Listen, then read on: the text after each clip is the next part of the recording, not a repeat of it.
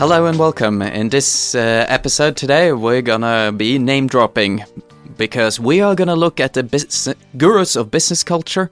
We're gonna find out the main concepts, the persons behind them, and why does it matter.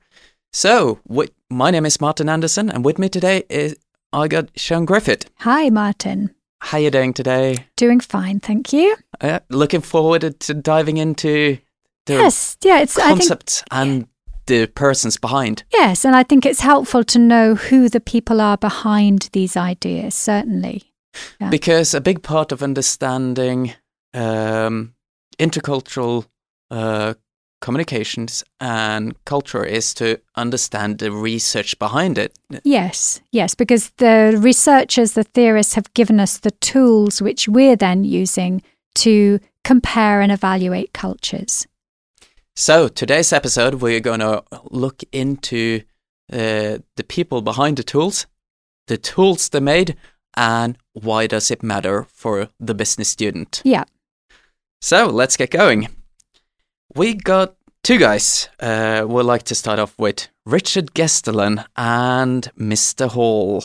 Yes, so uh, Richard Gesteland has uh, been a speaker actually a few times at BI Nydalen, and he is an American businessman. And his experience showed him that being an American and behaving in an American way Mhm. worked very well in certain parts of the world, but failed miserably in others. So, prompted by his own experience of sales and working in about 36 different countries. Which is a great start for a academic. Yeah, well, yes. And in fact, he's not an academic. You see, Richard Gesteland is a businessman. Mhm. So he was then prompted to try and understand why he was doing very well in some places and not in others. Because he's not an academic, he has drawn in research from Edward Hall, who's an American anthropologist. And that, in a way, gives a little bit more meat to his findings, because otherwise it's empirical evidence that he's used. It's his own experience of being out there and doing business. But he, you know, he's come up with some useful, useful stuff. It's it's more focused on what people do and spotting how people do things differently. But the big difference that he came across was something he calls deal focused versus relationship focused cultures. So, cultures where the most important thing is getting a business deal done and Mm. completed, or th- whether the most important thing is actually the relationships that you build with other people within your network, where the relationship is more important than the deal. So, which comes first, really, the deal or the relationship? And that's an interesting way of, of looking at different priorities uh, for business people. So, um, how strong is the research on this area? Well, um, his research actually, you know, he doesn't bring in he doesn't bring in Hall on this. So this is really his research, but it is backed up uh, in a different way by Trompenaars, who we're going to be talking about later, because Trompenaars had has a dimension of universalism and particularism, which sort of has a little bit of crossover with deal focus and relationship focus. So aspects of this have been picked up by later theorists. Um, but it's uh, it's it's one of the dimensions, uh, and it's an overriding dimension as far as Gesteland's concerned, and it's it's something that usually students relate to and understand Mm. uh, quite quite easily. Well, it's, it, seems very general, very.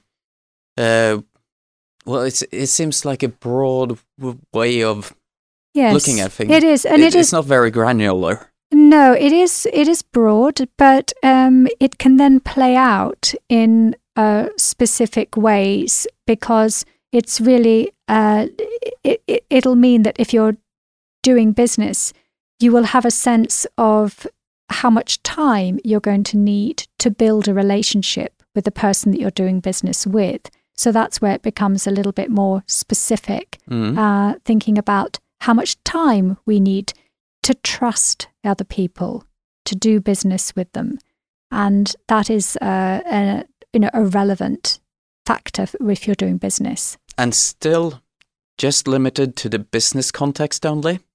Um, well, you, what you can say, you see, this is where we actually bring in a dimension from Trompenaars because mm uses this dimension of specific and diffuse cultures. And if you are looking at a culture that is specific, then we compartmentalize our life. So, what your question is doing, actually, you're, you're asking me, is it just about business? Well, that's probably because Norway is a more specific culture. So, we look at specific areas in our life, like this is how I behave when I'm doing business. And another compartment is how I behave when I'm with my family. Now, in diffuse cultures, there isn't that distinction. So once people are in let inside to your inner circle, there you behave the same way whether you're doing business with them, whether you're having a social meeting or gathering with them, uh, whether you're inviting them to your home. So there's a same way of behaving. So with a diffuse culture, you wouldn't actually make that distinction between business life and your private personal space But a diffuse culture that seems more to relate to factory workers or uh, a work life situation, whereas uh, where the importance of drawing a line is uh, huge. Like uh, I'm I'm thinking airline pilots or doctors or uh, police, uh, where where the distinction has a meaning Ah, well, you see, that's a very interesting question because if we take something like police, then you would think that in a culture which is, um, again, to use now a dimension uh, of universalism and particularism, which is a Trompenaars dimension, then you might think that a policeman or policewoman is going to apply the law regardless of who has you know, who they meet, who's maybe crossed the law, um, committed a crime. In a universalist culture, you would assume that uh, people are going to be treated the same way. In a particularist culture, if the person who's committed the crime is a close relative or close friend, then maybe they'll be treated differently than mm-hmm. if they were a complete stranger. So actually, culture crosses you know, it crosses into different professions as well. Um, so the, the, I think the real point about this diffuse culture is that you have a um, you you you have an inner circle of people who you've allowed in, who you trust, and once you trust somebody, then they are brought into your life in all areas of your life.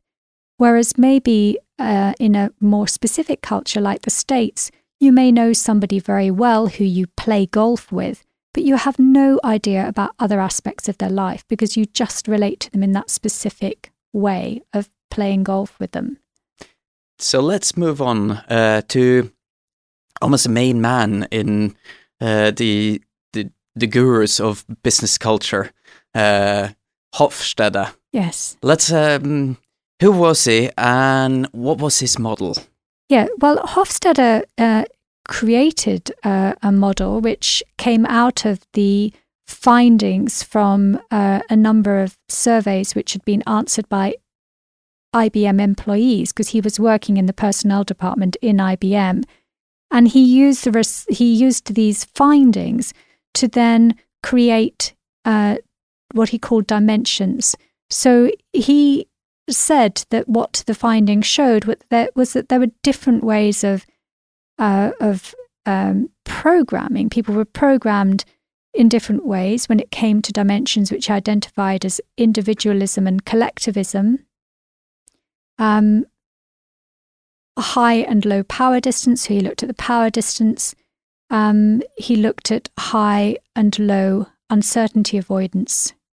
We we look in our course Oh, we look in particular at um, individualism, collectivism, power distance, and uncertainty avoidance, actually. Um, but his dimensions really came out of the answers that people gave.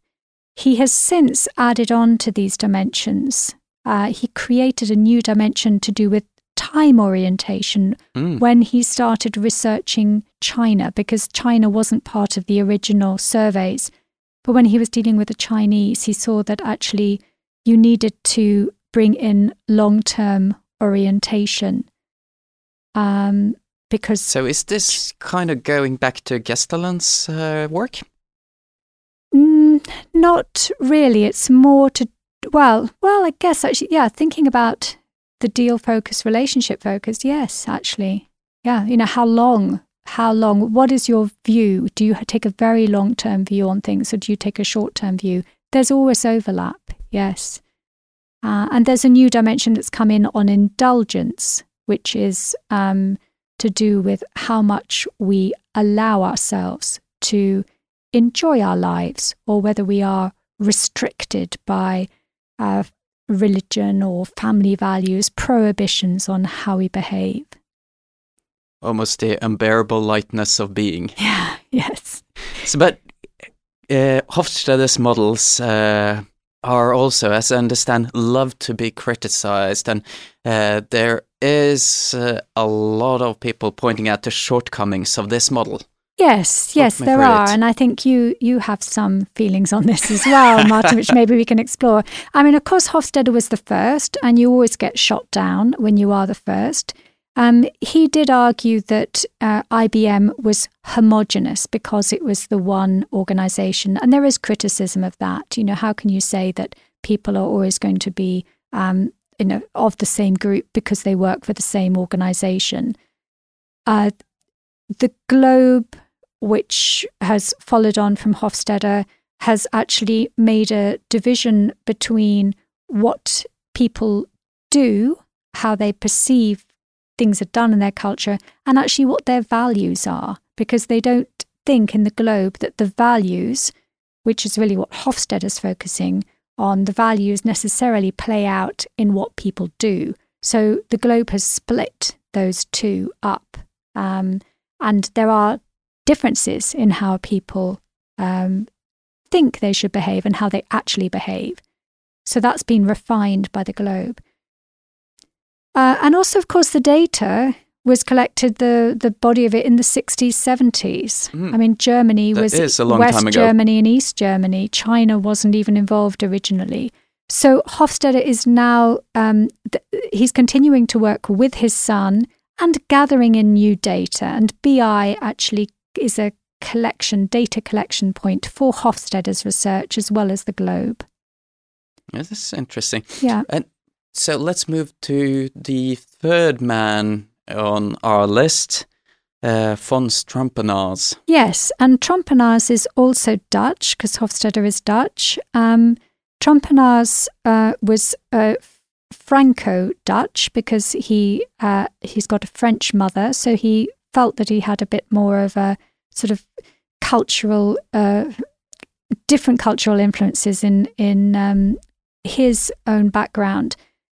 But he used he credits Hofstede really as being a, a starting point, um, but he didn't think that um, four dimensions were really enough to explain it. You know, yeah, you gotta have a few more. got to have a few more. So he added on a, a few more. Um, and there were some commonalities, you know, when it comes to collectivism and individualism, that's also been picked up by Trompenaars. Um, Trompenaars had this interesting one of specific and diffuse, which I mentioned earlier, you know, specific and diffuse cultures. Uh, he also had a different way of looking at power. So whereas Hofstede has power distance, Trompenaars looks at um, what gives people status. Is it based on your achievement or is it ascriptive? So he uses those distinctions, and uh, and also where where your sort of um, motivation comes from uh, in behaving, whether you're inner directed, whether you be- believe that you can do whatever you want to um, in this world, or whether you are more outer directed and you feel that you need to go with the flow. This um, has also got aspects of individualism and collectivism in it, but he, he just tried to widen it a bit. the numbers of dimensions. So, looking at these dimensions, it makes me feel like it, they're nice to think about, but do they really exist? Is it possible to extract reliable data on culture? Well, um, the data is is as reliable as the answers that are given. So obviously, reliability will d- will depend in part upon the answers. It'll depend upon the the scope of the research. And I mean, Hofstede, you know, going back to the original guy, he would argue strongly that his research methods were rigorous, that it involved a, a large number of people who were answering it. Um, so Trompenaars also his research has has involved a, a, a large number of people, so that it's it's sufficiently large and you know secure the, his research method to be considered worthwhile, to be considered uh, valuable. And the globe as well, which uh, we're not particularly covering today, but that has gone on to to widen the number of dimensions and the number of countries involved as well. So, of course, between them, they argue about their research methods. But I think we can see really what is valuable and uh, relevant in these dimensions for ourselves. You know, what, what actually does work and what rings true. Yeah, absolutely. You can find a reflection of your own personality in these dimensions as well. So, Yes. Uh, it's also interesting to look at on a micro level. Yes, and I think that's where we have to start actually, and we have to realize that you know we are all different. I mean, we know this. Um, if you look at colleagues in your company or business, you may be from the same culture, but you'll all actually behave quite differently. So there are, of course, differences. But then if you look at your department compared with a department from another country, then you'll start to see maybe more similarities between your team than there are um, between your team and the, the team from an international department. So that's when the similarities become a little bit clearer. Siän, I'd like to thank you for uh, diving into the toolkit yeah. of uh, intercultural communication a bit further. Yeah, thank you. Martin. Thank you. Thank